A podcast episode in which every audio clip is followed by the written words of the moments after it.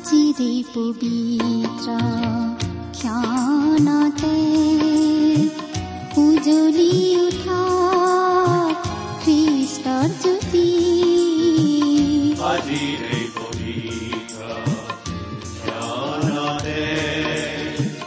উজলি উঠা খ্ৰীষ্টৰ জ্যোতি আকাশ বতাহ মুখৰিত কৰি গাঁও সবে মিলি প্ৰশংসা গীতি গাঁও সবে মিলি প্ৰশংসা গীতি আজিৰে পবিত্ৰ ক্ষণতে উজলি উঠা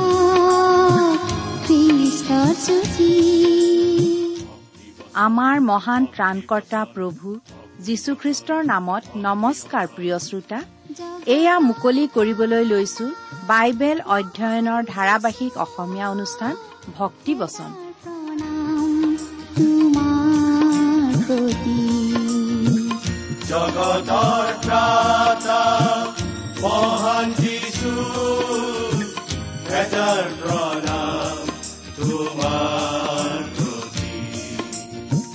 গ্ৰহণ কৰাই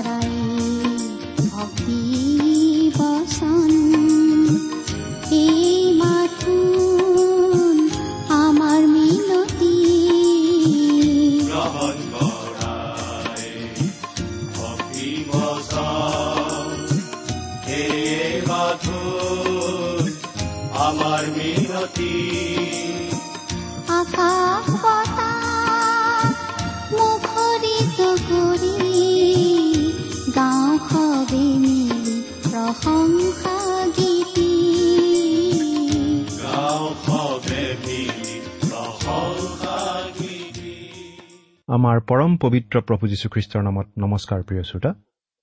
আপোনাৰ ভালনে বাৰু? আমাৰ এই ভক্তিবচন অনুষ্ঠান শুনি থকাৰ বাবে আপোনাক আমি ধন্যবাদ জনাইছোঁ। আপোনালোকৰ মাজৰ বহুতো শ্ৰোতাই আমাক চিঠিৰ যোগেদিও উৎসাহ উদ্দীপনা যোগাই আহিছে। চিঠি লিখাৰ কষ্টকণ কৰাৰ বাবে সেই শ্ৰোতাসকললৈ আমি ধন্যবাদ জনাইছোঁ। এই অনুষ্ঠান শুনি আপোনালোক বহুতেই উপকৃত হোৱা বুলিও লিখিছে। সেই কথাত আমি নথৈ আনন্দিত হৈছোঁ। প্ৰিয় শ্ৰোতা আপুনি বাৰু কেতিয়াবা আমালৈ চিঠি লিখিছেনে? আপুনি কিজানি ভাবিছে সদায়নো কিয় চিঠি লিখাৰ কথা কৈ থাকে? কিন্তু আমি যে নকৈ থাকিব নোৱাৰোঁ? আপোনালোকৰ পৰা চিঠি পত্ৰ যদি আমি নাপাওঁ আমিনো কেনেকৈ গম পাম? আমাৰ এই অনুষ্ঠান ৰাইজে শুনিছে বুলি? আৰু যদি কোনেও নুশুনেই তেনেহ'লে আমিনো ইমান কষ্ট কৰোঁ কোনহতে আৰু আপোনালোকে যদি একো মতামত নজনায় আমিনো কেনেকৈ জানিম এই অনুষ্ঠানটো ভালেই হৈছে নে বেয়াই হৈছে? গতিকে প্ৰিয় শ্ৰোতা অনুগ্ৰহ কৰি এই ঠিকনাত দুষাৰিমান লিখি পঠিয়াবচোন। ভক্তিবচন টি ডব্লিউ আৰ ইণ্ডিয়া ডাক বাকচ নম্বৰ সাত শূন্য গুৱাহাটী সাত আঠ এক শূন্য শূন্য এক। ভক্তিবচন T W R India post box number seventy Guwahati seven eight one zero' zero' one.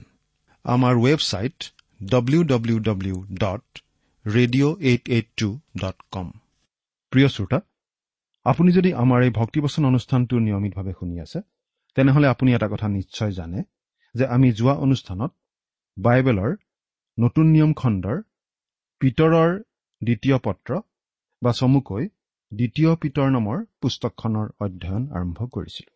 যোৱা অনুষ্ঠানত আমি আচলতে এই দ্বিতীয় পিতৰ পুস্তকখনৰ এটা চমু পৰিচয় আগবঢ়াই প্ৰথম অধ্যায়ৰ প্ৰথম পদটো মাত্ৰ পঢ়ি চমু আলোচনা আগবঢ়াইছিলোঁ। আজিৰ অনুষ্ঠানত আমি এই দ্বিতীয় পিতৰ পত্ৰৰ প্ৰথম অধ্যায়ৰ দুই নম্বৰ পদৰ পৰা আমাৰ আলোচনা আৰম্ভ কৰিব খুজিছোঁ। আহক আমি প্ৰাৰ্থনাৰে আমাৰ আজিৰ বাইবেল অধ্যয়ন আৰম্ভ কৰোঁ হওক। আমি প্ৰাৰ্থনা কৰোঁ হে আমাৰ স্বৰ্গত থকা মৰমীয়াল পিতৃ ঈশ্বৰ তোমাৰ মহান নামৰ ধন্যবাদ কৰোঁ। তুমিয়েই এই বিশ্বব্ৰহ্মাণ্ডৰ সৃষ্টিকৰ্তা পালনকৰ্তা। তুমি সৰ্বশক্তিমান সৰ্বজ্ঞানী সৰ্বব্যাপী ঈশ্বৰ। তুমি ন্যায়বান পবিত্ৰ কৰুণাময় ঈশ্বৰ। তোমাৰ আগত আমি অতি নগণ্য। আমি দুৰ্বল অপবিত্ৰ মানুহ। আমাৰ একো নাই যিহেৰে আমি তোমাৰ দৃষ্টিত গ্ৰহণী হ'ব পাৰোঁ। কিন্তু তুমি আমাক ইমানেই প্ৰেম কৰিলা যে আমাক তোমাৰ সংগী কৰি ল'বলৈ আমাক নৰকৰ পৰা বচাবলৈ তোমাৰ একেজাত পুত্ৰ যীশুখ্ৰীষ্টকে জগতলৈ পঠালা। তেওঁ ক্ৰুচত প্ৰাণ দি তৃতীয় দিনা পুনৰ জি উঠি আমাৰ বাবে পৰিত্ৰাণৰ পথ প্ৰস্তুত কৰিলে যাতে তেওঁক বিশ্বাস আৰু ভৰসা কৰি আমি পৰিত্ৰাণ পাব পাৰোঁ। তাৰ বাবে তোমাক শত সহস্ৰবাৰ ধন্যবাদ জনাওঁ পিতা। এতিয়া আমি তোমাৰ বাক্য আলোচনা কৰিবলৈ ওলাইছোঁ। তুমি আমাক বিশেষভাৱে কথা কোৱা। অনুষ্ঠান শুনি থকা প্ৰতিজন ব্যক্তিৰ আগত তুমি নিজকে প্ৰকাশ কৰা। তেওঁলোকৰ জীৱন সৰ্বাংগ সুন্দৰ কৰি তোলা। কিয়নো এই প্ৰাৰ্থনা আমাৰ জীৱিত প্ৰাণকৰ্তা মহান প্ৰভু যীশুখ্ৰীষ্টৰ নামত অৰ্পণ কৰিলো। আমেন। প্ৰিয় শ্ৰোতা আজিৰ অনুষ্ঠানত আমি এই দ্বিতীয় পিতৰ পত্ৰৰ প্ৰথম অধ্যায়ৰ দুই নম্বৰ পদৰ পৰা আমাৰ আলোচনা আৰম্ভ কৰিব খুজিছো। আমি প্ৰথম পদত পালো যে এই পত্ৰখন লিখিছিল পাচনি পিতৰে খ্ৰীষ্টীয় বিশ্বাসীসকললৈ। এতিয়া আমি দুই নম্বৰ পদটো পাঠ কৰি দিম। অনুগ্ৰহ কৰি মন দি শুনিব দেই। পিতৰৰ দ্বিতীয় পত্ৰ প্ৰথম অধ্যায় দ্বিতীয় পদ। ঈশ্বৰৰ আৰু আমাৰ প্ৰভু যীশুৰ তত্বজ্ঞানত তোমালোকলৈ অনুগ্ৰহ আৰু শান্তি বাহুল্যৰূপে হওক। অনুগ্ৰহ আৰু শান্তি বাহুল্যৰূপে হওক। আমি আগতেও উল্লেখ কৰি আহিছো যে অনুগ্ৰহ আৰু শান্তি এই শব্দ দুটা এইটো ক্ৰমতেই থাকে। প্ৰথমতে অনুগ্ৰহ তাৰ পাছত শান্তি। আমি প্ৰথমতেই ঈশ্বৰৰ অনুগ্ৰহৰ সোৱাদ পাব লাগিব। আমি যে ঈশ্বৰৰ অনুগ্ৰহতহে পৰিত্ৰাণ পালো এই কথাটো আমি বুজি পাব লাগিব। অনুভৱ কৰিব লাগিব। প্ৰভু যীশুৱে আমাক ইমান প্ৰেম কৰিলে যে তেওঁ পৰিত্ৰাণ দিব পাৰে। গতিকে প্ৰিয় শ্ৰোতা ঈশ্বৰে আমাক অনুগ্ৰহেৰেহে পৰিত্ৰাণ দিয়ে। যেতিয়াই আমি খ্ৰীষ্টত ভৰসা কৰোঁ তেওঁতেই বিশ্বাস স্থাপন কৰোঁ। তেতিয়াই ঈশ্বৰে আমালৈ নাচাই আমাৰ দুখ গুণবোৰলৈ নাচাই আমাক পৰিত্ৰাণ দিয়ে। আৰু যেতিয়াই আমি ঈশ্বৰৰ অনুগ্ৰহৰ কথা বুজি পাওঁ উপলব্ধি কৰিব পাৰোঁ তেতিয়াই আমি ঈশ্বৰৰ শান্তিও উপভোগ কৰিব পৰা হওঁ। এই কথাটোকে পাচনি পৌলে ৰুমিয়াসকললৈ লিখা পত্ৰটো এনেদৰে লিখিছিল। এইকাৰণে আমি বিশ্বাসৰ দ্বাৰাই ধাৰ্মিক বুলি গণিত হোৱাত আমাৰ প্ৰভু যীশুখ্ৰীষ্টৰ দ্বাৰাই ঈশ্বৰে সৈতে আমাৰ শান্তি আছে। এই পত্ৰখন লিখিছিল চিমন পিতৰে তেওঁ ব্যৱসায়ত মাছমৰীয়া আছিল। কিন্তু এই পত্ৰখন পঢ়াৰ পাছত আমি পিতৰক এজন সাধাৰণ অশিক্ষিত মাছমৰীয়া বুলি ধৰিব নোৱাৰো। এই চুটি পত্ৰখনতেই তেওঁ ইমানবোৰ গভীৰ তত্বমূলক কথা লিখিছে যে নতুন নিয়মৰ আন আন পত্ৰসমূহত তেনেকুৱা উদাহৰণ আমি কমেই পাওঁ। ইংৰাজীত grace and peace be multiplied multiplication মানে পূৰণ। এগুণ দুগুণকৈ বাঢ়ি যোৱাৰ ভাৱ এটা ইয়াত প্ৰকাশ পাইছে। কিন্তু পিতৰে অতি ব্যৱহাৰিক ভাৱ প্ৰকাশ কৰিছে। তেওঁ যেন পূৰণৰ নেওতাখন আমাৰ আগত দাঙি ধৰি কৈছে। তোমালোকলৈ ঈশ্বৰৰ অনুগ্ৰহ আৰু শান্তি এগুণ দুগুণ তিনিগুণকৈ বাঢ়ি গৈ থাকক। কি সুন্দৰ কথা নহয়নে বাৰু? তেওঁ কেৱল সেইখিনি কথা কৈয়েই ক্ষান্ত থকা নাই। আমাৰ মাজত অনুগ্ৰহ আৰু শান্তি কেনেদৰে বাঢ়ি যাব পাৰে? আমি সপোনত কিবা দৰ্শন পাব লাগিব নেকি? ঈশ্বৰে আমাৰ আগত দেখা দি কিবা কবহি লাগিব নেকি? নাই তেওঁ কৈছে ঈশ্বৰৰ আৰু আমাৰ প্ৰভু যীশুৰ তত্বজ্ঞানত তোমালোকলৈ অনুগ্ৰহ আৰু শান্তি বাহুল্যৰূপে হওক। আমি এতিয়া এই তত্বজ্ঞান শব্দটোকে অলপ চাব খুজিছো। এই জ্ঞানৰ কথাটো আমি বাৰে বাৰে পাম। এই পুস্তকখন অধ্যয়ন কৰোঁতে কাৰণ এইটো অতি দৰকাৰী আৰু গুৰুত্বপূৰ্ণ বিষয়। এই বিষয়ে পাচনি পৌলেও গুৰুত্ব সহকাৰে লিখিছে। ফিলিপিয়া বিশ্বাসীসকললৈ লিখা পত্ৰত তেওঁ এনেদৰে লিখিছিল আৰু তেওঁত আৱিষ্কৃত হওঁ আৰু কোনোমতে মৃতবিলাকৰ পুনৰুত্থানৰ ভাগি হ'বৰ কাৰণে মই খ্ৰীষ্টৰ মৃত্যুৰ সমৰূপ হৈ তেওঁক আৰু তেওঁৰ পুনৰুত্থানৰ শক্তি আৰু তেওঁৰ দুখভোগৰ সহভাগিতা যেন জানিবলৈ পাওঁ। ফিলিপিয়া তিনি অধ্যায় দহ পদ। খ্ৰীষ্টক যেন জানিবলৈ পাওঁ। খ্ৰীষ্টীয় বিশ্বাসৰ জীৱন মানে আচলতে খ্ৰীষ্টক জনা। আমি মাত্ৰ খ্ৰীষ্টক বিশ্বাস কৰিলেই নহ'ব। আমি তেওঁক জানিব লাগিব। তেওঁ আমাৰ জীৱন্ত ত্ৰাণকৰ্তা। তেওঁ এতিয়া স্বৰ্গত পিতৃ ঈশ্বৰৰ সোঁহাতে বহি আছে। তেওঁক আমি অধিক অধিককৈ জানিব লাগিব। আপোনভাৱে জানিব লাগিব। প্ৰিয় শ্ৰোতা আমি যেতিয়ালৈকে খ্ৰীষ্টক নাজানো নুবুজো তেতিয়ালৈকে আমি আচলতে ঈশ্বৰৰ পৰিচৰ্যাৰ কামতো সফল হ'ব নোৱাৰোঁ। এই জ্ঞান বাৰু আমি কেনেদৰে পাওঁ? এই বিষয়ে পিতৰে আমাক সন্দেহত ৰখা নাই। আমাক শূন্যতে উপঙাই ৰখা নাই। আমি এই পুস্তকখন অধ্যয়ন কৰি গৈ থাকিলে দেখিম বুজিম যে যীশুখ্ৰীষ্টৰ তত্বজ্ঞান আমি লাভ কৰিব পাৰোঁ ঈশ্বৰৰ বাক্যৰ জ্ঞান আহৰণ কৰাৰ যোগেদি ঈশ্বৰৰ সঠিক বাক্যৰ যোগেদি। পিতৰেনো ঈশ্বৰৰ জ্ঞান মানে কি বুজাইছে? সেই কথাটো সহজে বুজি পাবলৈ হ'লে আমি এটা উদাহৰণৰ সহায় ল'ব পাৰোঁ। ধৰক কোনোবাই মোক সুধিলে আপুনি বাৰু আমাৰ দেশৰ প্ৰথম ৰাষ্ট্ৰপতিক জানেনে? তেতিয়া মই নিশ্চয় ক'ম মই নাজানো। কিন্তু আপুনিতো তেওঁৰ নাম শুনিছে? এৰা নিশ্চয় শুনিছোঁ। আপুনি তেওঁক দেখিছেও? মই তেতিয়া উত্তৰ দিম মুখামুখিকৈ দেখা নাই কিন্তু তেওঁৰ ফটো দেখিছোঁ টেলিভিশ্যনতো দেখিছোঁ। তেওঁৰ বিষয়ে বহু কথা পঢ়িছোঁ কিন্তু তথাপি তেওঁক মই জানো বুলি ক'ব নোৱাৰোঁ। আজি যদি তেওঁ জীয়াই থাকিলেহেঁতেন আৰু আপোনাৰ কোঠালৈ সোমাই আহি আপোনাৰ আগত থিয় হ'লেহেঁতেন আপুনি বাৰু তেওঁক চিনি পালেহেঁতেননে? মই উত্তৰ দিম এৰা নিশ্চয় পালোহেঁতেন। কিন্তু তথাপি তেওঁক মই জানো বুলি ক'ব নোৱাৰোঁ। কাৰণ তেওঁনো কি চিন্তা কৰে কি ভাল পায় কি বেয়া পায় ইত্যাদি বহু কথাই মই নাজানো। হয়তো তেওঁৰ নিকট আত্মীয় বা পৰিয়ালৰ লোকেহে ক'ব পাৰিব। তেওঁলোকেহে তেওঁক প্ৰকৃততে জানো বুলি ক'ব পাৰিব। এৰা প্ৰিয় শ্ৰোতা আমি খ্ৰীষ্টৰ বিষয়ে কিছুমান কথা জানিলেই নহ'ব। আমি তেওঁক জানিব লাগিব। পিতৰে ইয়াত যেতিয়া তত্বজ্ঞানৰ কথা কৈছে তেওঁ গ্ৰীক শব্দ এপিগ্নচিছ ব্যৱহাৰ কৰিছে। এই এপিগ্নচিছ শব্দটোৱে এটা অতি চৰম পৰ্যায়ৰ বা অতি উচ্চ পৰ্যায়ৰ জ্ঞানৰ কথা বুজায় যিটো আমাৰ সাধাৰণ চিন্তা শক্তিৰে আমি পাব নোৱাৰোঁ। এই বিশেষ জ্ঞান আমি পাব পাৰোঁ কেৱল পবিত্ৰ আত্মাৰ যোগেদিহে।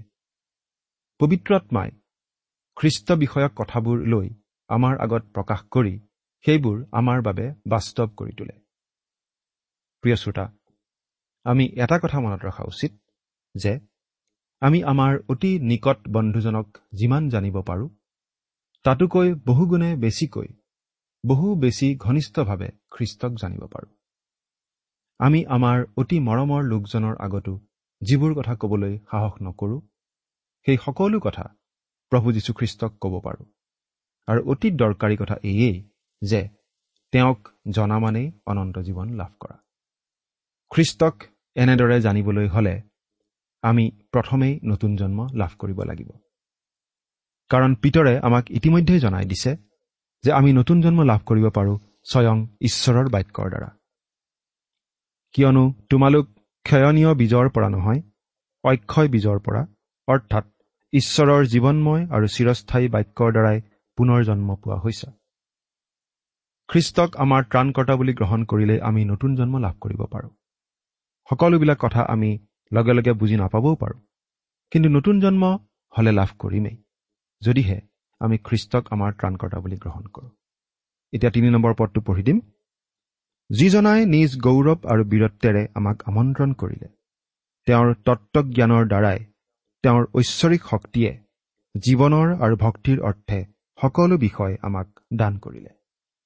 যিজনাই নিজ গৌৰৱ আৰু বীৰত্বেৰে আমাক আমন্ত্ৰণ কৰিলে।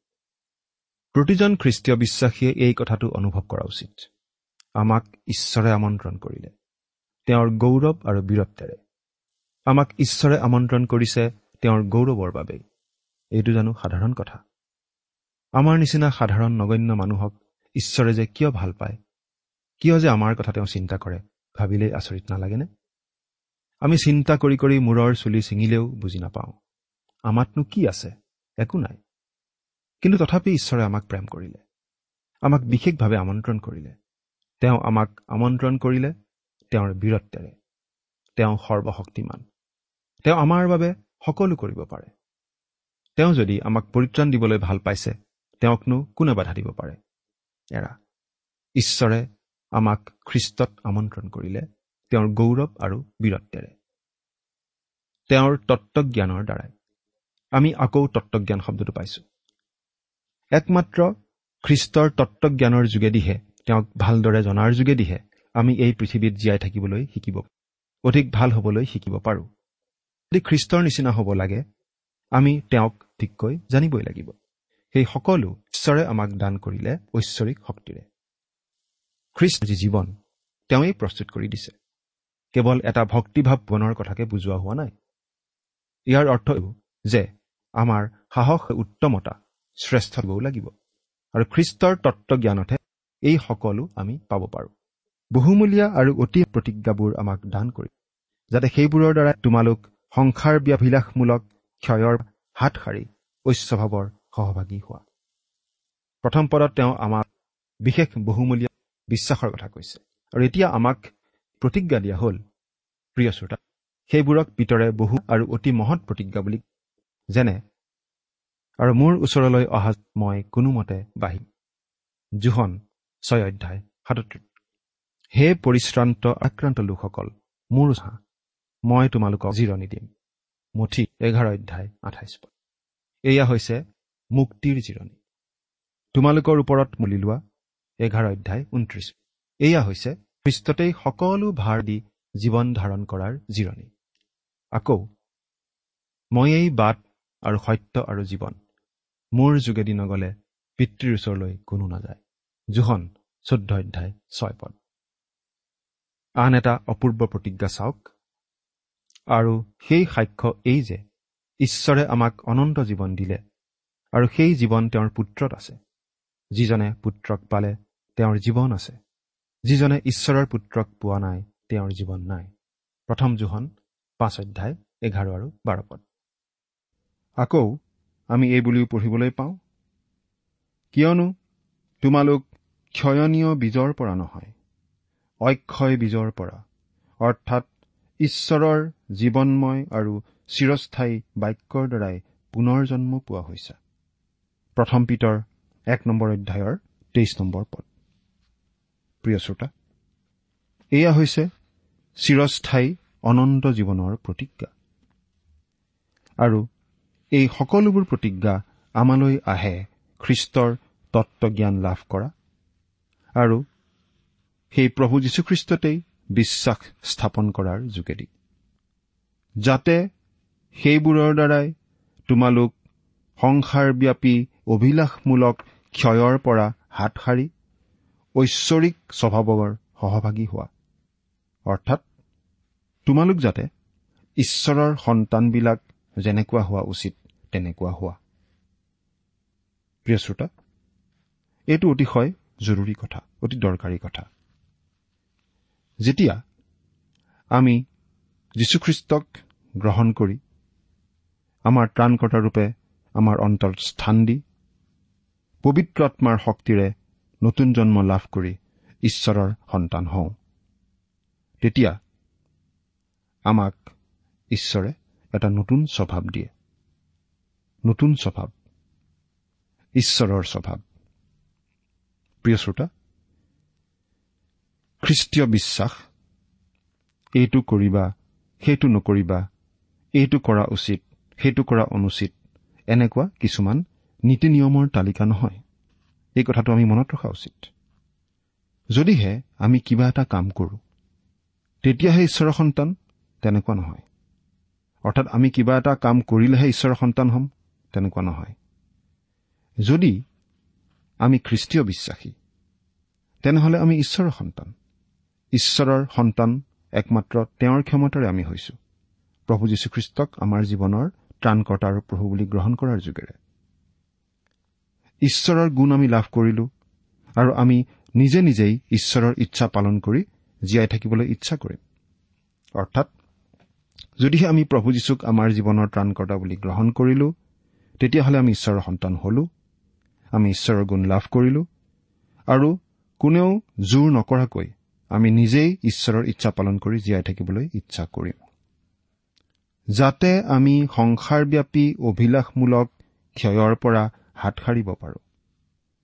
প্ৰিয় শ্ৰোতা সংসাৰৰ মন্দতা আমাৰ বাহিৰত থাকে আৰু সংসাৰৰ অভিলাষবিলাক আমাৰ ভিতৰত থাকে। আমাৰ অন্তৰত থাকে। বাহ্যিক জগতখন পৰিষ্কাৰ কৰি দিলেই মানুহবোৰ ভাল হৈ নাযায়। এই কথাটো আমি বুজি পোৱা উচিত। আমাৰ পৰিৱেশ আমাৰ চাৰিওফালৰ পৰিস্থিতি ভাল কৰি দিলেই আমাৰ ভিতৰত থকা মন্দ প্ৰকৃতিটো সলনি হৈ নাযায়। তাৰ পৰিৱৰ্তন নঘটে। প্ৰিয় শ্ৰোতা আমি আন আন মানুহৰ আগত ধাৰ্মিকতাৰ ভাও ধৰিব পাৰোঁ। আনৰ আগত আমি নিজকে ভাল মানুহ যেন দেখুৱাব পাৰোঁ। আমি নিজকে অতি ধাৰ্মিক বুলি অভিনয় কৰি থাকিব পাৰোঁ।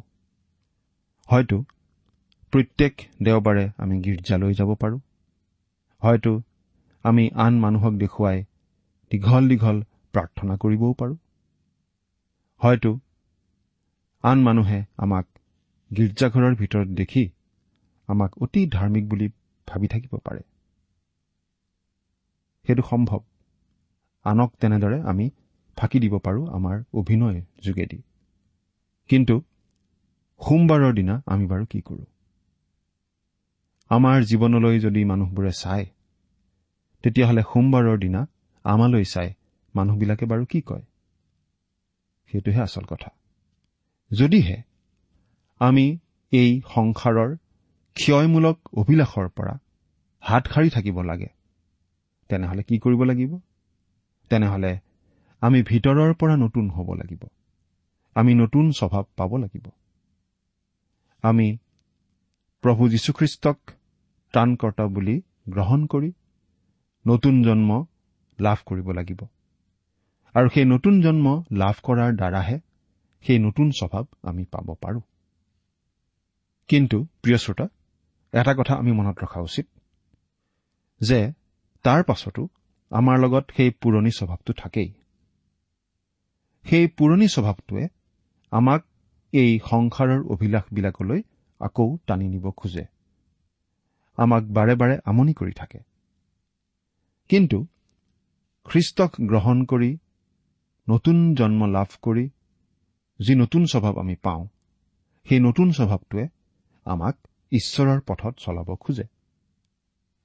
অপব্যয় পুত্ৰই পিতৃৰ পৰা আঁতৰি গৈ সকলো জাগতিক মন্দতাত লিপ্ত হৈছিল। সেয়া আছিল আমাৰ পুৰণি প্ৰকৃতিৰ কাম। কিন্তু সেই অপব্যয় পুত্ৰই অনুতাপ কৰি আকৌ নিজৰ পিতৃৰ ওচৰলৈ উভতি আহিছিল। সেইটো নতুন স্বভাৱৰ কাম। যদিহে আমি ঈশ্বৰৰ সন্তান হৈছো আমি ঈশ্বৰৰ পৰা আঁতৰি থাকি কেতিয়াও শান্তি পাব নোৱাৰো। আমি ঈশ্বৰলৈ উভতি আহিবলৈ চেষ্টা কৰিমেই। এৰা আমি খ্ৰীষ্টক গ্ৰহণ কৰি ঈশ্বৰৰ সন্তান হলো। ঈশ্বৰৰ প্ৰকৃতি আমি পালো। আৰু ঈশ্বৰে তেওঁৰ বাক্যৰ যোগেদি কোৱা কথা আমি বুজি পাব পাৰো। তেওঁৰ আত্মাই সেই বাক্য আমাৰ বাবে অৰ্থপূৰ্ণ কৰি তোলে আমাৰ বাবে অতি বাস্তৱ কৰি তোলে। প্ৰিয় শ্ৰোতা খ্ৰীষ্টক গ্ৰহণ কৰি পৰিত্ৰাণ লাভ কৰাটো আৰম্ভণিহে। আমি খ্ৰীষ্টীয় জীৱনত এখোজ দুখোজকৈ আগবাঢ়ি যাব লাগে। ঈশ্বৰে দিয়া নতুন স্বভাৱেৰে। তেওঁৰ এই সহায়ত। আমি আম্মিকভাৱে বৃদ্ধি পাই থাকিব লাগে যাতে আমি অধিক অধিককৈ খ্ৰীষ্টৰ নিচিনা হ'ব পাৰোঁ। প্ৰথম জোখন তিনি নম্বৰ অধ্যায়ৰ দুই নম্বৰ পদত আমি এনেদৰে পঢ়িবলৈ পাওঁ পাঠ কৰি দিছো। হে প্ৰিয়বিলাক এতিয়া আমি ঈশ্বৰৰ সন্তান আছো। কিন্তু পাছত কি হ'ম সেয়ে এতিয়ালৈকে প্ৰকাশিত হোৱা নাই। তেওঁ প্ৰকাশিত হলে আমি তেওঁৰ নিচিনা হ'ম। ইয়াকে জানো। কিয়নো তেওঁ যেনেকুৱা আছে তেওঁক তেনেকুৱাই দেখিম। প্ৰিয় শ্ৰোতা আপুনি বাৰু খ্ৰীষ্টতেই ভৰসা কৰি তেওঁৰ পথতেই চলি আছেনে? আপুনি বাৰু অধিক অধিককৈ তেওঁৰ নিচিনা হৈ গৈ আছেনে? চিন্তা কৰি চাওকচোন। ঈশ্বৰে আপোনাক এনেদৰে বৃদ্ধি পোৱাত সহায় কৰক। আহমেন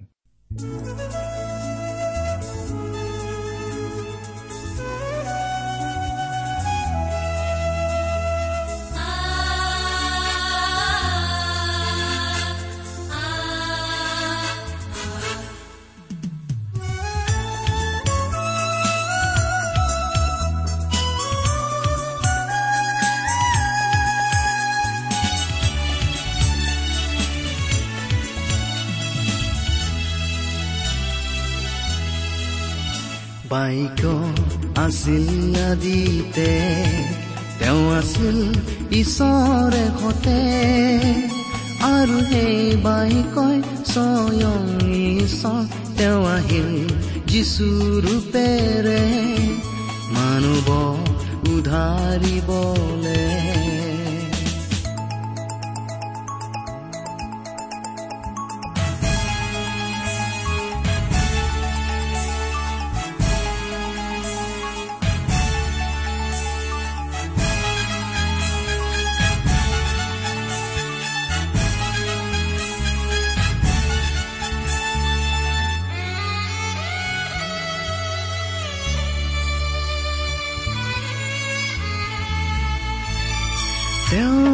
আছিল ঈশ্বৰে হতে তেওঁ দ্বাৰা হ'ল সকলোৱে যি যি হ'ল ইমান পৰে আপুনি ভক্তিবচন অনুষ্ঠানটি শুনিলে। অনুষ্ঠানটি শুনি কেনে পালে আমালৈ চিঠি লিখি জনাবচোন। অনুষ্ঠানত প্ৰচাৰ কৰা কোনো কথা বুজিব লগা থাকিলেও আমালৈ লিখক। আমাৰ ঠিকনা ভক্তিবচন টি ডাব্লিউ আৰ ইণ্ডিয়া ডাক পাকচ নম্বৰ সাত শূন্য গুৱাহাটী সাত আঠ এক শূন্য শূন্য এক। ঠিকনাটো আৰু এবাৰ কৈছো ভক্তিবচন টি ডাব্লিউ আৰ ইণ্ডিয়া। ডাক পাকচ নম্বৰ সাত শূন্য গুৱাহাটী সাত আঠ এক শূন্য শূন্য এক। আপুনি ইমেইল যোগেৰেও আমাৰ সৈতে যোগাযোগ কৰিব পাৰে। আমাৰ ইমেইল আইডিটো হৈছে Assamese T TV at radio' eight eight two dot com আইডিটো আকৌ এবাৰ কৈছো। Assamese T TV at radio' eight eight two dot com আপুনি টেলিফোনৰ মাধ্যমেৰেও আমাক যোগাযোগ কৰিব পাৰে। আমাৰ টেলিফোন নম্বৰটো হৈছে শূন্য তিনি ছয় এক দুই ছয় শূন্য চাৰি ছয় সাত এক। ফোন নম্বৰটো আকৌ এবাৰ কৈছো zero' three six one two six zero' four six seven one আজিৰ অনুষ্ঠানটি ইমানতে সামৰিছো। ঈশ্বৰৰ শান্তি আৰু অনুগ্ৰহ আপোনাৰ লগত থাকক। ধন্যবাদ।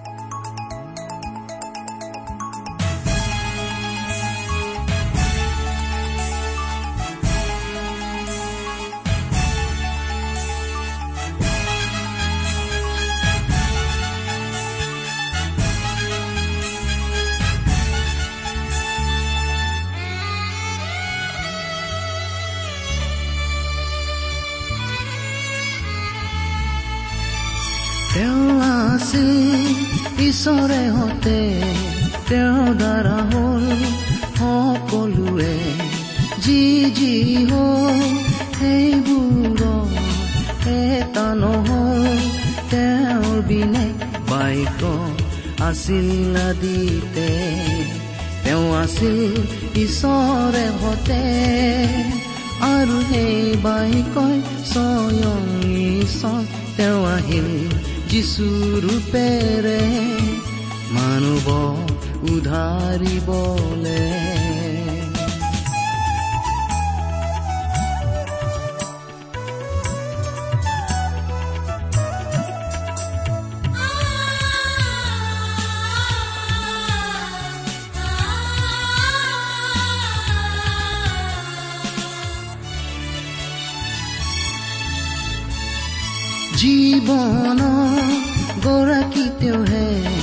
মানুহৰ পোহৰ সেই জীৱনে সকলোকে পোহৰ দিবলে আহিছিলে তেওঁ যিচুৰূপে বাইক আছিল আদিতে তেওঁ আছিল ঈশ্বৰে হতে আৰু হে বাইক্য স্বয়ং ঈশ্বৰ তেওঁ আহিল যিচু ৰূপেৰে মানৱ